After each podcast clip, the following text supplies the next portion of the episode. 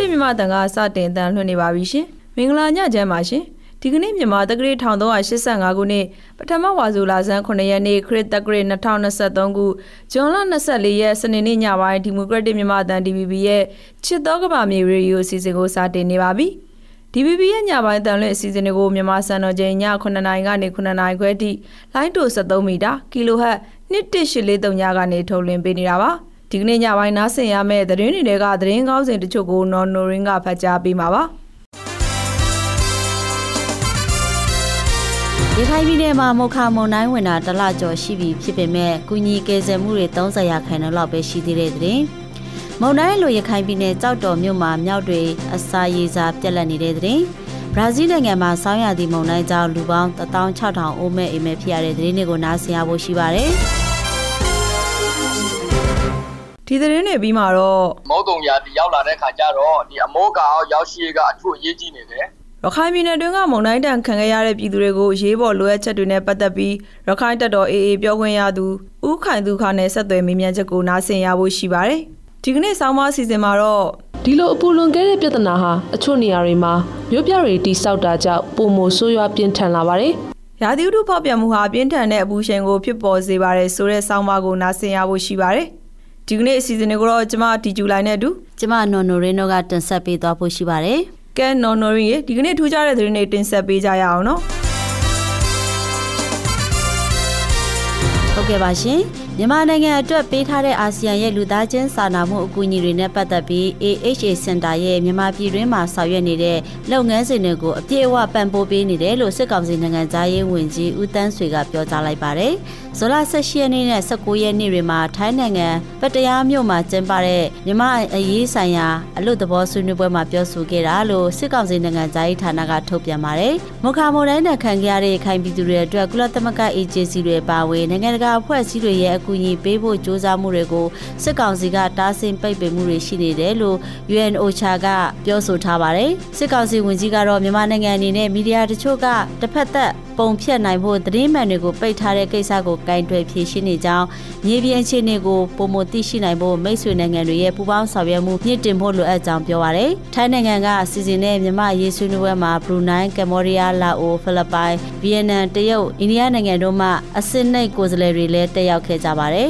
။အာဆီယံဥက္ကဋ္ဌအင်ဒိုနီးရှားအပါအဝင်မလေးရှား၊စင်ကာပူတို့ကတော့ဒီဆွေးနွေးပွဲကိုမတက်ရောက်ခဲ့ကြသလိုထိုင်းနိုင်ငံကအခုလိုစစ်ကောင်စီဝန်ကြီးကိုခေါ်ယူစည်းဝေးကျင်းပတာနဲ့ပတ်သက်လို့ပြစ်တင်ဝေဖန်နေကြပါတယ်မိုခါမုန်တိုင်းလိုရခိုင်ပြည်နယ်ကြောက်တော်မြို့မှာရှိတဲ့ရှေးအောင်သမိုင်းဝင်သေလာဂီရီမောရာပပရတောင်ကြောက်တော်တောင်မှာနေထိုင်တဲ့မြောက်တွေဟာအစာရည်စာပြက်လက်နေလို့ကစ်စပါနဒီတရားပေါ်အထိအစာလိုက်တောင်းနေရတယ်လို့ဖះကောပကထံကသိရပါဗျ။တောင်ကြီးကနေစစ်တွေရန်ကိုဝေးပြေးလမ်းမပေါ်ကကစ်စပါနဒီတရားပေါ်အထိဆင်းပြီးမြောက်တွေဟာအစာရည်စာလိုက်တောင်းနေတာကြောင့်လမ်းမပေါ်ကားတိုက်သေးဆုံးမှုတွေလည်းရှိနေပါတယ်။အရင်ကမြောက်တွေဟာကြောက်တော်တောင်ကတောတွင်မှာတဘာဝကိုမိတီနေထိုင်ကြတာဖြစ်ပြီး တစ်တော်ပြုံးတီးမှုတွေကြောင့်လွန်ခဲ့တဲ့အနှစ်30ကလေးကဖျားဘူးခီးသွားတွေကျွေးမွေးတဲ့အစာတွေကိုစားတောက်နေရတာပါကြောက်တော်တောင်ကောဘကအဖွဲ့ဝင်တဦးကပုံမှန်ဆိုတောင်ပေါ်ကဖျားဘူးနဲ့မြောက်စာကျွေးတဲ့သူနဲ့အတော်စီကတော့မြောက်တွေလည်းဝဝလင်လင်စားရတာပေါ့မိုးခါမုံတိုင်းပြီးမှဖျားဘူးကမရှိသလောက်ဖြစ်သွားတော့မြောက်တွေလည်းအစာရှားကုန်ကြတာနေ့စဉ်စွန့်ကြံနေလာကျွေးတဲ့ဆရာတော်တစ်ပါးရှိပါတယ် ခြားအကြောင်းတိုက်တွေမှာလည်းစွန့်ကြံတွေအခုလိုလာကြွေးကြရင်သူတို့ပို့စားရမှာပေါ့လို့ပြောပါတယ်။ကြောက်တော်တောင်ပေါ်မှာနေထိုင်ကျက်စားနေတဲ့မြောက်ကောင်ရီတထောင်ကျော်ရှိပြီးကိုဗစ်ရောဂါကာလအတွင်းစာရေးသားရှားပါမှုကြုံခဲ့ရတယ်လို့သိရပါတယ်။ ရခိုင်ပြည်နယ်ပုဏ္ဏကျွန်းမြို့နယ်မှာမိုခါဆိုင်ကလုန်းမုန်တိုင်းတက်ခတ်ပြီးတဲ့နောက်ဇူလ22ရက်နေ့အထိ ULAAA ကဖွဲ့စည်းထားတဲ့အာခန်ရေးပေါ်ကူညီထောက်ပံ့ရေးနဲ့ပြည်လဲနေရာချထားရေးစင်တာက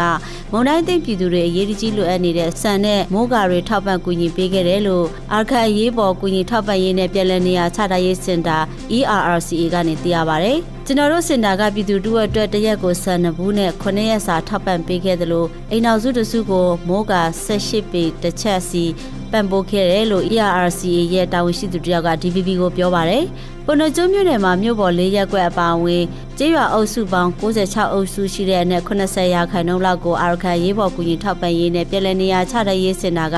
တွားရောက်ပံ့ပိုးပေးခဲ့ပြီးပြီလို့ဆိုပါတယ်။ ULAA အနေနဲ့ကူညီထောက်ပံ့ရေးကိစ္စတွေအပြင်မုံတိုင်းသိပြည်သူတွေရဲ့နေအိမ်တွေကိုပြုပြင်တည်ဆောက်ပေးတာတွေကျန်းမာရေးစောင့်ရှောက်မှုတွေစတိုက်ပြုလုပ်ပေးနေပါတယ်။ မွန်ပြည်နယ်မှုလိုမျိုးနယ်ကရုံပေါ်ကျေးရွာမှာရေဘေးနဲ့မုန်တိုင်းဘေးအန္တရာယ်ကြိုတင်ကာကွယ်ဖို့အတွက်ပြီးခဲ့တဲ့ရက်ပိုင်းကဇက်တိုက်လေ့ကျင့်ခဲ့တယ်လို့မြန်မာနိုင်ငံကြက်ချင်နီတင်ကသတင်းထုတ်ပြန်ပါတယ်အဆိုပါလေ့ကျင့်မှုမှာဒေသခံတွေနဲ့အတူမြို့နယ်မှာကြက်ချင်နီစေတနာရှင်တွေပူးပေါင်းပါဝင်ခဲ့ကြတယ်လို့ဆိုပါတယ်ဒါအပြင်တစ်ပင်ပြီးလို့နေအိမ်ဆုံးရှုံးခဲ့ရတဲ့ကြိုက်ထိုမြို့နယ်မှာအိမ်နောက်စုနှစ်စုအတွက်အိမ်ဆောက်အထောက်အကူပစ္စည်းတွေတကိုယ်ရည်တန်ရှင်းရေးသုံးပစ္စည်းတွေအမျိုးသမီးတကိုယ်ရည်သုံးတန်ရှင်းရေးပစ္စည်းတွေမိဖို့ကြောင့်သုံးပစ္စည်းတွေရေတန့်ပုံးစောင်းချင်တောင် တာပေါ်လင်စအဝတ်အထည်တွေကိုလည်းဇွန်လ18ရက်နေ့မှာတွားရောက်ထောက်ပံ့ကူညီခဲ့တယ်လို့သိရပါတယ်။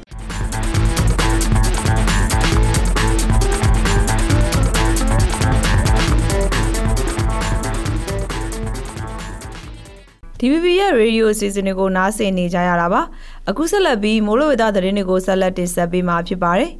မင်္ဂလာပါရှင်ဇွန်လ24ရက်နေ့အတွက်မိုးလေဝသခန့်မှန်းချက်တွေကိုတင်ဆက်ပေးသွားမှာဖြစ်ပါတယ်ဒီကနေ့မနက်ပိုင်းဖန်ရရှိထားတဲ့ဂျရူတိန်ပုံကြည့်မယ်ဆိုရင်တော့ကပလီပင်လယ်ပြင်နဲ့ဘင်္ဂလားပင်လယ်ော်တောင်ပိုင်းတို့မှာ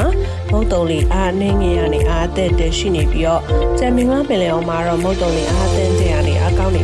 ပါတယ် နက်ဖက်ညနေထိမိုးလေဝသအခမ်းအနားချက်တွေနေနေရတော့မြဝကျမောရခိုင်ကဲရန်ရှောင်းနဲ့ကောင်းလွန်မယ်လေပြင်းတို့မှာတခါတည်းမိုးတက်လေပြင်းတွေကြာရောက်ပြီးတော့လှိုင်းသင်းတဲ့ရနေလှိုင်းကြီးနိုင်ပါတယ်။မိုးတက်လေပြင်းကျနေတဲ့အချိန်မှာရေပြင်းပြင်းပြင်းလေးရတနာရီမိုင်30ရာနေ35မိုင်တို့တိုက်ခတ်နိုင်ပါတယ်။ကြံမြမပင်လေပြင်းမှာတော့လှိုင်းနေငယ်နေလှိုင်းသင်းတဲ့ရှိနေပါတယ်။လှိုင်းမြင့်နေနေနေရတော့မြဝကျမောရခိုင်ကဲရန်ရှောင်းနဲ့ကောင်းလွန်မယ်လေပြင်းတို့မှာ9ပြည်ကနေ9ပြည်လောက်ထိမြင့်တက်နိုင်ပြီးတော့ ဗုဒ္ဓမာကွေမွန်နဲ့တနင်္လာရီကဲရန်ရှောင်းနဲ့ကောင်းလွန်မယ်လေပြင်းမှာတော့လှိုင်းမြင့်4ပြည်ကနေ9ပြည်လောက်ထိမြင့်တက်နိုင်ပါတယ်ရှင်။မိုးရသွန်နိုင်မှုခန့်မှန်းချက်ဒီနေ့နေရတော့စကိုင်းတိုင်းမန္တလေးတိုင်းမကွေးတိုင်းတနင်္သာရီတိုင်းရှမ်းပြည်နယ်နဲ့ခရပြည်နယ်တို့မှာနေရာစည်းစိမ်နဲ့တန်ပြည်နယ်နဲ့တိုင်းတွေမှာတော့နေရာအနှံပြမှုထချုံရနိုင်ပါတယ်။နေပြီးတော့မန္တလေးတိုင်းရန်ကုန်တိုင်းအေရရီတိုင်းရခိုင်ပြည်နယ်နဲ့မွန်ပြည်နယ်တို့မှာတော့နေရာပတ်ပြီးမိုးကြီးနိုင်တယ်လို့ခန့်မှန်းထားပါတယ်ရှင်။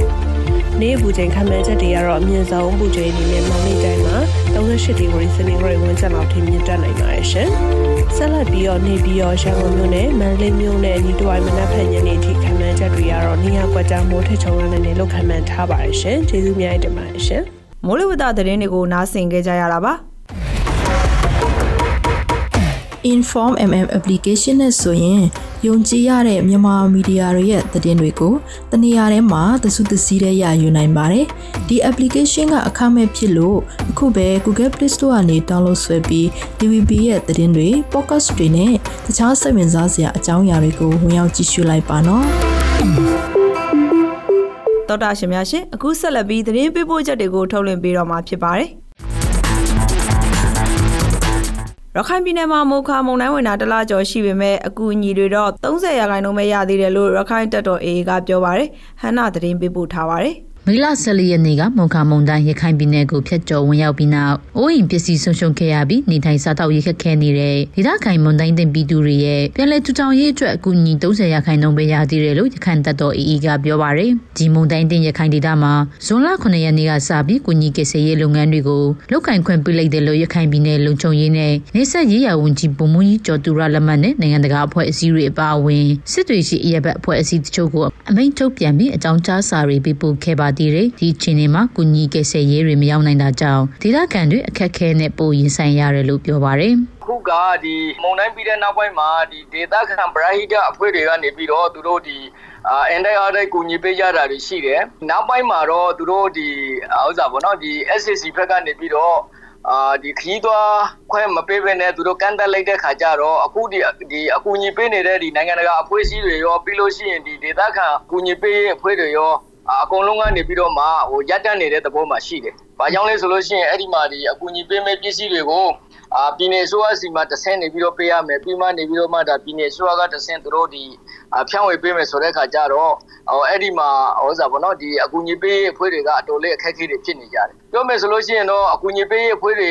မရောက်လို့ရှိရင်ဒါဒေသခံပြည်သူတွေအတွက်လည်းပဲဒါအများကြီး ဟိုအခက်အခဲတွေရင်ဆိုင်နေရတာပေါ့နော်ဟိုအခုဒီအကူအညီရရှိတဲ့အခြေအနေကတော့ထိခိုက်ခံစားရတဲ့ပြည်သူတွေအားလုံးရဲ့ဒီ30ရာနှုန်းလောက်ပဲကျွန်တော်တို့ကအကူအညီတွေရောက်သေးတယ်ဗျဒီရတဲ့30ရာနှုန်းကလည်းပဲသူတို့ကဒီဥစ္စာပေါ့နော်ရိတ်ခါဆန်ဥမာဒီနှစ်ပတ်စာအဲအဲ့ဒီလောက်ပဲရနေတာဆိုတော့ဒီနှစ်ပတ်ပြီးလို့ရှိရင်နောက်ထပ်ဘာလုံးမလဲဘယ်လိုဆက်ပြီးတော့ရတည်မလဲဆိုတာကလည်းဒါထေးသွင်းစဉ်းစားရမယ့်ကိစ္စဖြစ်တာပေါ့ ပြည်내စစ်ကောင်စီရဲ့ပြောရေးဆိုခွင့်ရှိသူဦးလာသိန်းကရခိုင်ပြည်နယ်အတွင်းမုံတိုင်းတင်ပြည်သူတွေအတွက်ကူညီကယ်ဆယ်ရေးလုပ်နေတဲ့အစိုးရမဟုတ်တဲ့ NGO အဖွဲ့အစည်းတွေအနေနဲ့သက်ဆိုင်ရာဒေသအာဏာပိုင်အဖွဲ့တွေစီကိုအသိပေးအကြောင်းကြားပြီးလုပ်ငန်းတွေဆောင်ရွက်နိုင်တယ်လို့ပြောဆိုထားပေမဲ့လက်တွေ့မှာကွန်ပျူတာမရရှိဖြစ်နေကြတယ်လို့ပရာဟိတအဖွဲ့တွေကသိရပါတယ်။ရခိုင်ပြည်နယ်အတွင်းမိုခါမုံတိုင်းကြောင့်ပျက်စီးသွားတဲ့နေအိမ်တွေကို ULA အဖွဲ့ဝင်တွေနဲ့ဒေသခံတွေပူးပေါင်းပြီးပြန်လည်ထူထောင်ရေးနဲ့ကူညီကယ်ဆယ်ရေးလုပ်ငန်းတွေဆောင်ရွက်ပေးနေကြပါတယ်။ ULAA အနေနဲ့မိုခါမုံတိုင်းပြည်တဲ့နောက်ပိုင်းမှာပြန်လည်ထူထောင်ရေးချက်အရေးပေါ်ကူညီကယ်ဆယ်ရေးလုပ်ငန်းကိုသာအင်တိုက်အားတိုက်လုပ်နေရတယ်လို့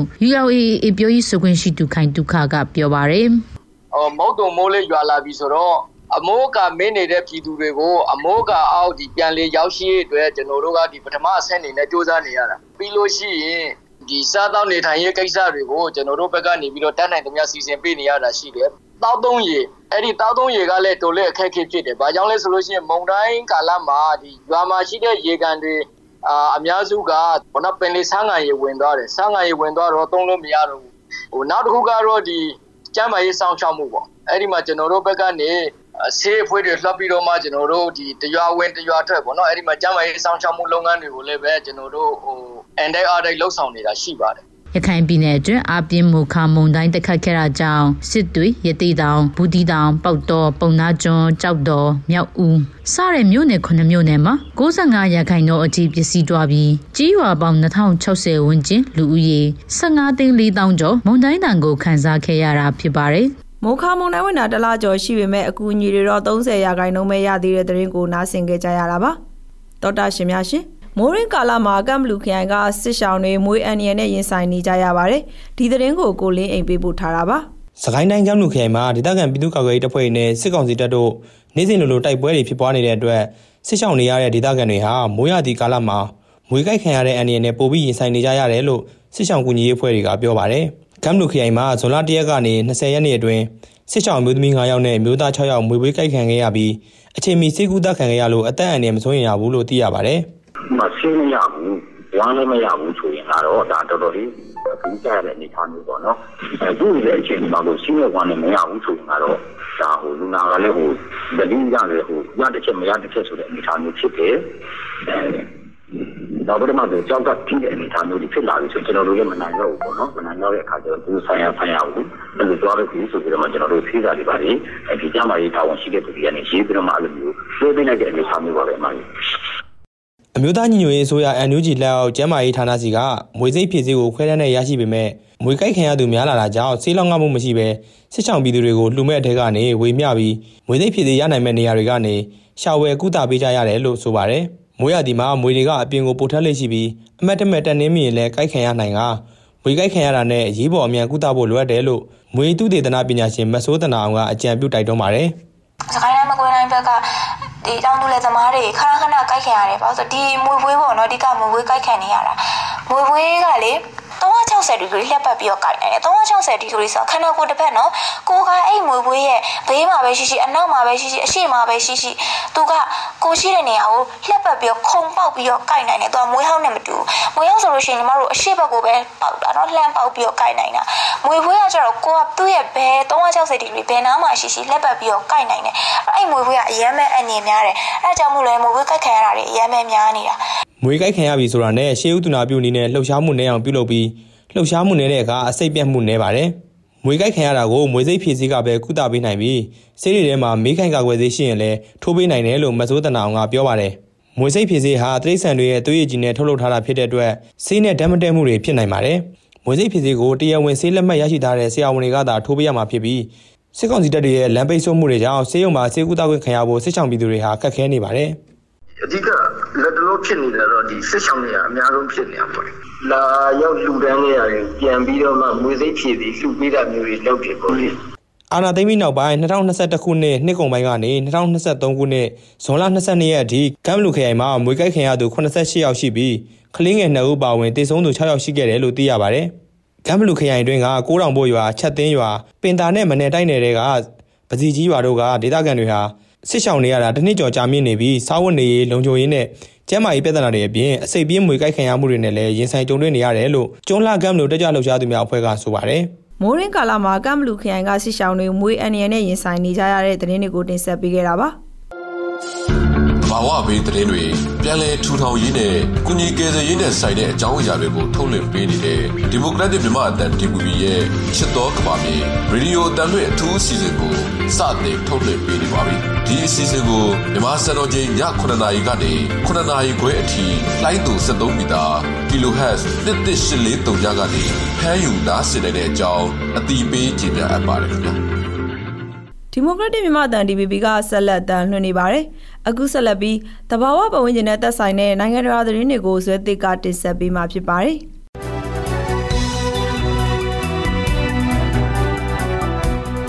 ဘရာဇီးနိုင်ငံတောင်ပိုင်း Rio Grande do Sul ပြည်နယ်မှာပြီးခဲ့တဲ့သတင်းပတ်ကစောင်းရသည်မုန်တိုင်းကြောင့်မိုးသဲထန်စွာရွာသွန်းခဲ့ပြီးလူပေါင်းဒါဇင်နဲ့ချီပျောက်ဆုံးတွေကလူပေါင်း16000အိုးမဲ့အိမ်မဲ့ဖြစ်ခဲ့ပါတယ်။ ဒီအဖြစ်အပျက်ဟာဘရာဇီးမှာနှစ်40အတွင်းအဆိုးရွားဆုံးသဘာဝဘေးရန်တွေတစ်ခုဖြစ်လာတယ်လို့နိုင်ငံရဲ့အမျိုးသားစောင့်ကြည့်ရေးနဲ့သဘာဝဘေးရန်တွေရဲ့သတိပေးချက်ဗဟိုဌာနကဇွန်23ရက်မှာပြောပါတယ်။အခုချိန်ထိပြည်내မှာတေဆုံးသူ16ဦးကိုအတည်ပြုထားပြီးသူတို့တွေက9ဦးဟာကာရာမြို့ငယ်လေးကဖြစ်ကြောင်းဒေသဆိုင်ရာအာဏာပိုင်တွေကပြောပါတယ်။ကာရာမြို့မှာမိုးတဲထန်စွာရသွမှုကြောင့်ရေလွှမ်းမိုးမှုတံခံခဲ့ရပြီးနေအိမ်တွေရေနစ်မြုပ်ပျက်စီးကလူတွေရဲ့တံမှုဝမ်းကြောင်းလည်းထိခိုက်ခဲ့ပါတယ်။ မြို့နယ်ပြည်သူတွေဟာသူတို့ရဲ့ဘဝတွေပုံမှန်ပြန်ဖြစ်ဖို့ရုန်းကန်နေကြရပါတယ်။ဒေသခံတချို့ဟာသူတို့အိမ်တွေကနေထွက်သွားရပြီးအစားအစာနဲ့ခြောက်သွေးတဲ့အဝတ်တွေရရှိဖို့ခိုလုံရေးစခန်းတွေစီသွားရကြောင်းဒေသခံတအုပ်ကပြောပါတယ်။ ဒီဒေသရဲ့စိုက်ပျိုးစရိတ်ဟာအထူးသဖြင့်အဓိကသီးနှံတချို့အတွက်ကုန်ကျစရိတ်ကြီးတယ်လို့လည်းဒေသခံဂွီဟာမီကပြောပါတယ်။ရေကြီးရေရှမ်းမှုဟာတက်ကျွေးရဲ့အိုတွေနဲ့ကလင်းငယ်တွေအတွက်ကြီးမားတဲ့ချိန်ချမှုတစ်ခုလည်းဖြစ်ကြောင်းဆိုပါတယ်။ရေကြီးရေရှမ်းမှုလျော်နေလာတာနဲ့အမျှဘေးကင်းရတင်းရှောင်ခဲ့ကြတဲ့မြို့ကန်တွေဟာတဖြည်းဖြည်းနေရက်ကိုပြန်လာခဲ့ကြပြီးသူတို့နေထိုင်ရာနေရာတွေကိုတန်ရှင်းရေးနဲ့ပြန်လည်ထူထောင်ရေးတွေစတင်လှုပ်ဆောင်ခဲ့ကြပါတယ်။ American ပြည်ထောင်စုကော်လိုရာဒိုပြည်နယ်မှာ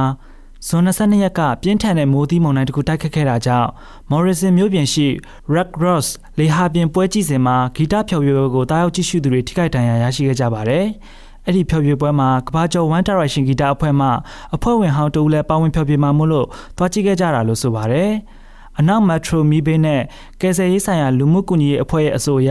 လူခဏဦးကိုအသက်အန္တရာယ်မစိုးရိမ်ရတဲ့ဒဏ်ရာတွေနဲ့ဒေတာရင်းဆေးရုံတွေကိုပို့ဆောင်ပေးထားပြီးစုစုပေါင်းလူ80ကနေ90လောက်အထိကိုအခင်းဖြစ်ပွားရနေရမှာကုသပေးခဲ့ကြောင်းသိရပါတယ်။ထိခိုက်ဒဏ်ရာတွေမှာပြက်ရှဒဏ်ရာတွေနဲ့အယိုးကျိုးသွားတာတွေလည်းပါဝင်ပါတယ်။ကော်လိုရာဒိုပြည်နယ်ဒန်ဘာမြို့ရှိအမျိုးသားမိုးလေဝသဌာနဟာအနောက်အလယ်ပိုင်း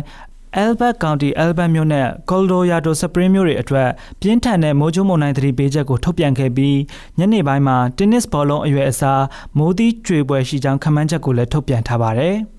အပူပိုင်းမုန်တိုင်းဘက်ထရက်ဟာကာရီဘီယန်ကျွန်းအရှေ့ပိုင်းကိုဖျက်ဆီးတိုက်ခတ်သွားတာကြောင့်အဲ့ဒီဒေသမှာမိုးသည်ထန်စွာရွာသွန်းပြီးလေပြင်းတွေတိုက်ခတ်မှုကြောင့်ထိခိုက်ခဲ့ရပြီးရေကြီးရေရှမ်းမှုနဲ့အနေရှိတဲ့ရေလိုင်းအခြေအနေတွေအတွက်စိုးရိမ်ပူပန်မှုတွေတိုးနေရပါတယ်။ဇွန်22ရက်ကဘာဘီဒိုစ် North Point ရှိပင်လယ်တိုင်းပေါ်မှာလိုင်းတွေရိုက်ခတ်နေတာပါ။မုန်တိုင်းဖို့ချက်ကစိန့်ဗင်စင်မြို့အရှေ့ဘက်9မိုင်လောက်အကွာမှာရှိတယ်လို့ကြာတာပရင်းနေ့နောက်ပိုင်းကထုတ်ပြန်ထားကြောင်းအမျိုးသားဟာရီကိန်းစင်တာအရာသိရပါတယ်။ ဒိုမီနီကန်စိန့်လူစီယာဘာဘေတိုစ်နဲ့ပြင်သစ်ရဲ့ပြည်ပနယ်မြေဖြစ်တဲ့မာတီနက်တို့ပါဝင်တဲ့ကာရေဘီယန်ပင်လယ်တွေကကျွန်းနိုင်ငံလေးတွေလက်ဆာအန်ဒလစ်အုပ်စုတလွားမှာဘက်ထရက်မုန်တိုင်းရဲ့တက်ရောက်မှုကိုခံစားနေရပါတယ်။ဘာဘေဒိုစ်ရှိအပူပိုင်းမုန်တိုင်းအခြေအနေတွေကြောင့်အာနာပိုင်တွေဟာလက်ဆာအန်ဒလစ်အုပ်စုရဲ့နိုင်ငံငယ်လေးတွေအပြင်စိန့်ဗင်းဆစ်နဲ့ Great Nadis နိုင်ငံတွေအတွက်အပူပိုင်းမုန်တိုင်းသတိပေးချက်ထုတ်ပြန်ခဲ့ပါတယ်။ ဘက်ထရက်ဟာဇွန်လကနေနိုဝင်ဘာလအထိကြာမြင့်တဲ့အတ္တလန်တိတ်ဟာရီကိန်းရာသီမှာအခုနှစ်ရဲ့ဒုတိယမြောက်မုန်တိုင်းဖြစ်ပါတယ်။အိန္ဒိယနိုင်ငံအရှေ့မြောက်ပိုင်းအာတန်ပြည်နယ်ရှိမြို့တွေနဲ့ကျေးရွာတွေမှာနေထိုင်ကြတဲ့ဒေသခံတွေဟာမိုးတဲထန်စွာရွာသွန်းမှုကြောင့်ဖြစ်ပေါ်လာတဲ့ရေကြီးရေရှမ်းမှုကြောင့်ဇွန်22ရက်ကသူတို့ရဲ့နေအိမ်တွေကိုစွန့်ခွာထွက်ပြေးခဲ့ကြပါတယ်။နော်ဘာရာမြို့မှာအကြမ်းပြင်းဒေသခံ၄000ခွဲလောက်ထိခိုက်ခဲ့ကြောင်းသိရပါတယ်။တချို့ကလည်းရေကြီးရေရှမ်းတဲ့ကြားမှာပစ္စည်းတွေကိုပါတည်ဆောင်ပြီးဖြတ်တန်းသွားကြပါတယ်။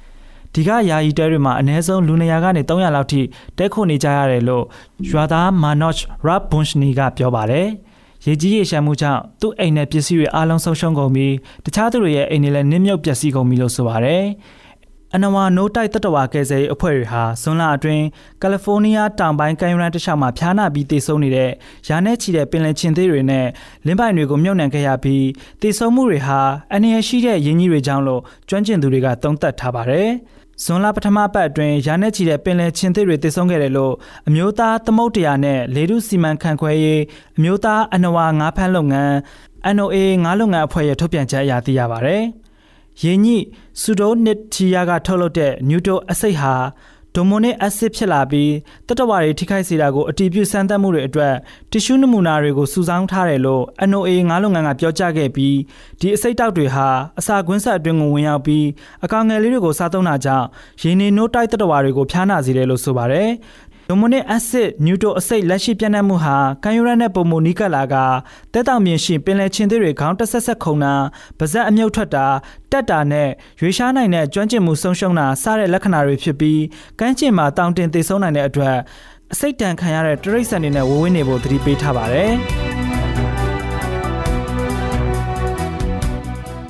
တဘောပဝင်းကျင်နဲ့သက်ဆိုင်တဲ့နိုင်ငံတော်သတင်းတွေကိုနားဆင်ကြကြရတာပါ တော်ရရှိများရှင်မုံတုံရာသီရဲ့တွင်းယူလွှမ်းမိုးမှုအနေကနေကြိုတင်ကာခွဲနိုင်ဖို့နဲ့ရေကြီးရေရှည်မှုတွေကိုကြိုတင်ပြင်ဆင်ထားနိုင်ဖို့အတွက်ကမ္ဘာ့ကျန်းမာရေးအဖွဲ့ WHO ရဲ့အကြံပြုချက်တွေကိုထုတ်လွှင့်ပေးမှာဖြစ်ပါတယ်။နားဆင်နိုင်ပါပြီရှင်။မုတ်တုံရာသီမှာရေလွှမ်းမိုးမှုကြောင့်ဘေးလွတ်ရာသို့ရွှေ့ပြောင်းရမှာစခန်းယာယီအဆောက်အဦများတွင်ဖော်ပြပါချက်တွေကိုလိုက်နာဆောင်ရွက်တင်ပါတယ်။ တကူရင်သုံးပစ္စည်းများခွက်ပကံဆက်ပြားမျက်နှာတုပ်ပွားစသည်တို့ကိုမျှဝေသုံးစွဲခြင်းကိုရှောင်ကျဉ်ပါ။ဖျားခြင်း၊ချောင်းဆိုးခြင်း၊လေကြောင်းနာခြင်းသို့မဟုတ်အသက်ရှူမဝခြင်းတို့ဖြစ်ရင်သက်ဆိုင်ရာစခန်းတာဝန်ခံဝန်ထမ်းများကိုချက်ချင်းကြောင်းကြပါလက်တန့်ရှင်းရေးနဲ့အသက်ရှူလမ်းကြောင်းဆိုင်ရာတန့်ရှင်းရေးတို့ကိုအမြဲထိမ့်သိမ်းလိုက်နာပါတော်တာရှင်များရှင် DVB ရဲ့ချစ်တော်ကဘာမြေရေဒီယိုအစီအစဉ်ကိုနားဆင်နေကြရတာပါ အခုဆက်လက်ပြီးဆက်သွယ်မေးမြန်းချက်ကိုထုတ်လွှင့်ပေးမှာဖြစ်ပါတယ်။မိုခါဆိုင်ကလုန်းမုန်တိုင်းကြောင့်ရခိုင်ပြည်နယ်အတွင်းကမုန်တိုင်းတန်ခံခဲ့ရတဲ့ပြည်သူတွေကိုရခိုင်တပ်တော် AA ကကူညီကယ်ဆယ်မှုတွေလှုပ်ဆောင်ပေးနေပေမဲ့အမိုးကာနဲ့အစားအစာတွေအရေးပေါ်လိုအပ်နေဆဲဖြစ်တယ်လို့စစ်ကောင်စီဘက်ကလည်းတဘာဝဘေးဒဏ်သင့်ရခိုင်ပြည်သူတွေအတွက်ကူညီကယ်ဆယ်မဲ့အဖွဲ့အစည်းတွေကိုကန့်သတ်မှုဖြေလျှော့ပေးဖို့တောင်းဆိုလိုက်ပါတယ်ရခိုင်တပ်တော် AA ရဲ့ပြောရေးဆိုခွင့်ရှိသူဦးခိုင်သူခါကိုနော်နိုရင်းကဆက်သွယ်မေးမြန်းထားပါတယ်။နားဆင်နိုင်ပါပြီရှင်။ အေးအေးအနေနဲ့ဒီလိုမျိုးဒေသခံတွေပေါ့နော်ဒီအင်တိုင်းအားတိုင်းလှုပ်ဆောင်ပြီးတော့ကူညီပေးနေတဲ့နေရာမှာပေါ့နော်ဒီစစ်ကောင်စီနိုင်ထိတ်တိုက်တွေးပြီးတော့မှအဲ့လိုမျိုးအဖြစ်ပြက်တွေရောရှိတာမျိုးတွေရှိလားရှင်ဟုတ်ဟိုအခုချိန်လေးတော့အဲ့လိုထိုက်တိုက်တွေးတဲ့အနေအထားမျိုးတော့မရှိဘူးဗျဟိုဒါမဲ့လို့ဒီအခုဥစ္စာပေါ့နော်ဒီအကူညီပေးဒီလူသားချင်းစာနာထောက်ထားမှုအကူညီပေးအဖွဲ့တွေကိုခရီးသွားခွင့်တွေဟိုကန့်သတ်ထားတဲ့ခါကျတော့ဒါပြည်သူတွေအတွက်တော့ဒါအများကြီးဟိုဥစ္စာပေါ့နော်ဒါအခက်အခဲတွေဖြစ်နေကြတာပေါ့ ဆိုတော့တခြားအဲ့ဒီအဓိကအဖြစ်ပေါ့နော်လောလောဆယ်ဒီအဲမိုခါမုံတိုင်းတင့်တဲ့ရခိုင်ပြည်သူတွေအတွက်အဓိကပေါ့နော်လောလောဆယ်ဘာတွေဆက်လိုအပ်နေသေးလဲဘာပြောချင်သေးလဲဟုတ်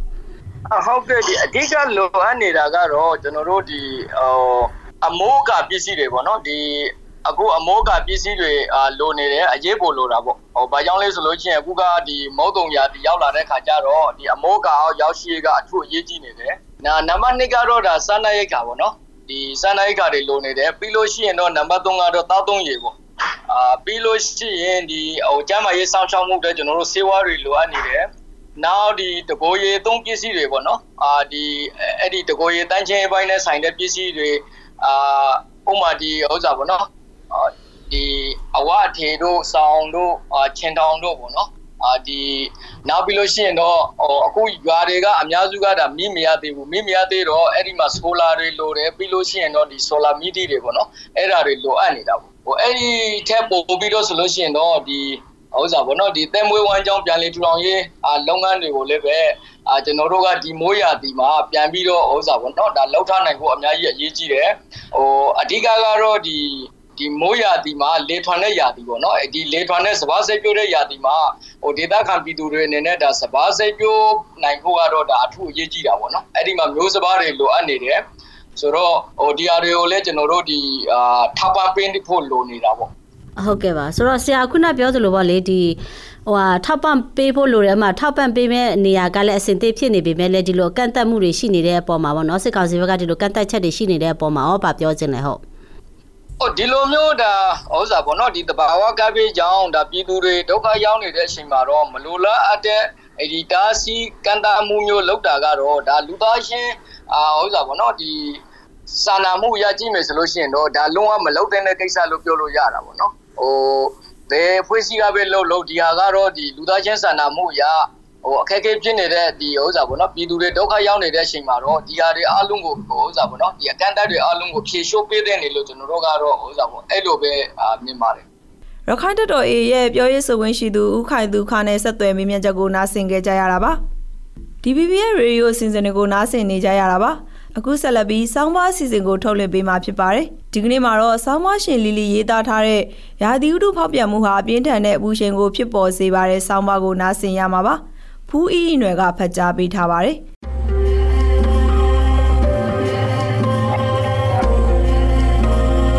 အနီညိုယာသီဥတုဖြစ်စဉ်ဟာ2023ခုနှစ်အတွင်းအာရှတခွင်နဲ့ပြင်ပမှာအပူလိုင်းတွေစံချိန်တင်ချိုးခဲ့ပြီးအနီညိုယာသီဥတုဖြစ်စဉ်ဟာပုံမပြင်းထန်တဲ့အပူချိန်ကိုဆိုလိုပါတယ်။အပူချိန်ဟာနေရာတစ်ခုရဲ့အခြေခံပေါ်မူတည်ပြီးပြင်းပြအပူချိန်ကိုသတ်မှတ်ပေမဲ့ကမ္ဘာတွင်းမှာတော့တနေရာနဲ့တနေရာအခြေခံသတ်မှတ်ချက်တွေမတူကြပါဘူး။ ဥပမာ25ဒီဂရီစင်တီဂရိတ်89ဒီဂရီဖာရင်ဟိုက်ဟာ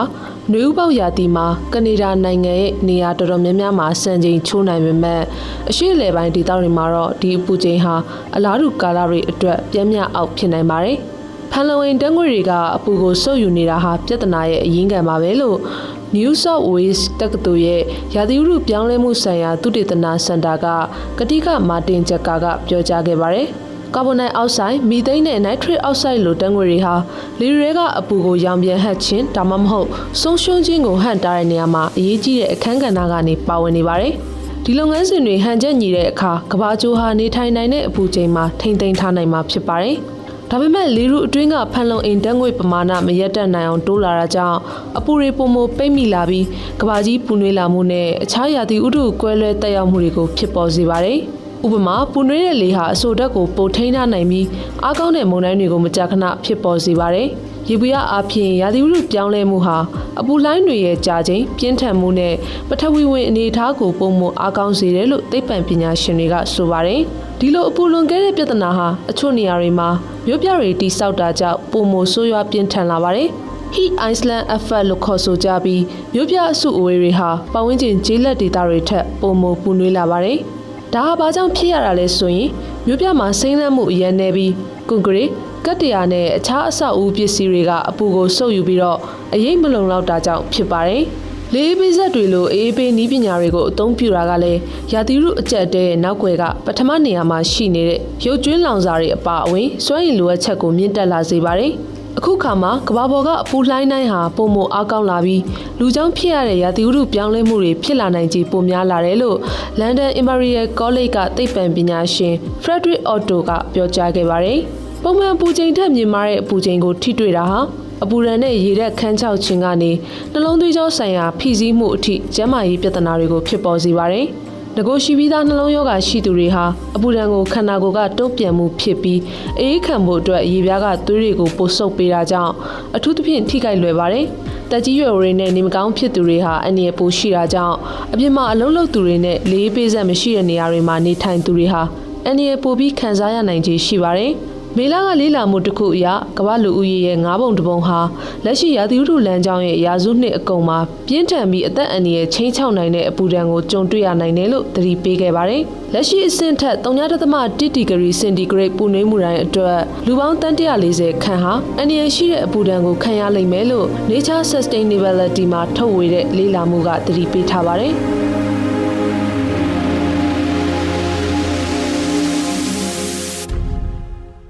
ရာသီဥတုဖောက်ပြန်မှုနဲ့ပတ်သက်တဲ့ဆောင်းပါးကိုနားဆင်ကြကြရတာပါ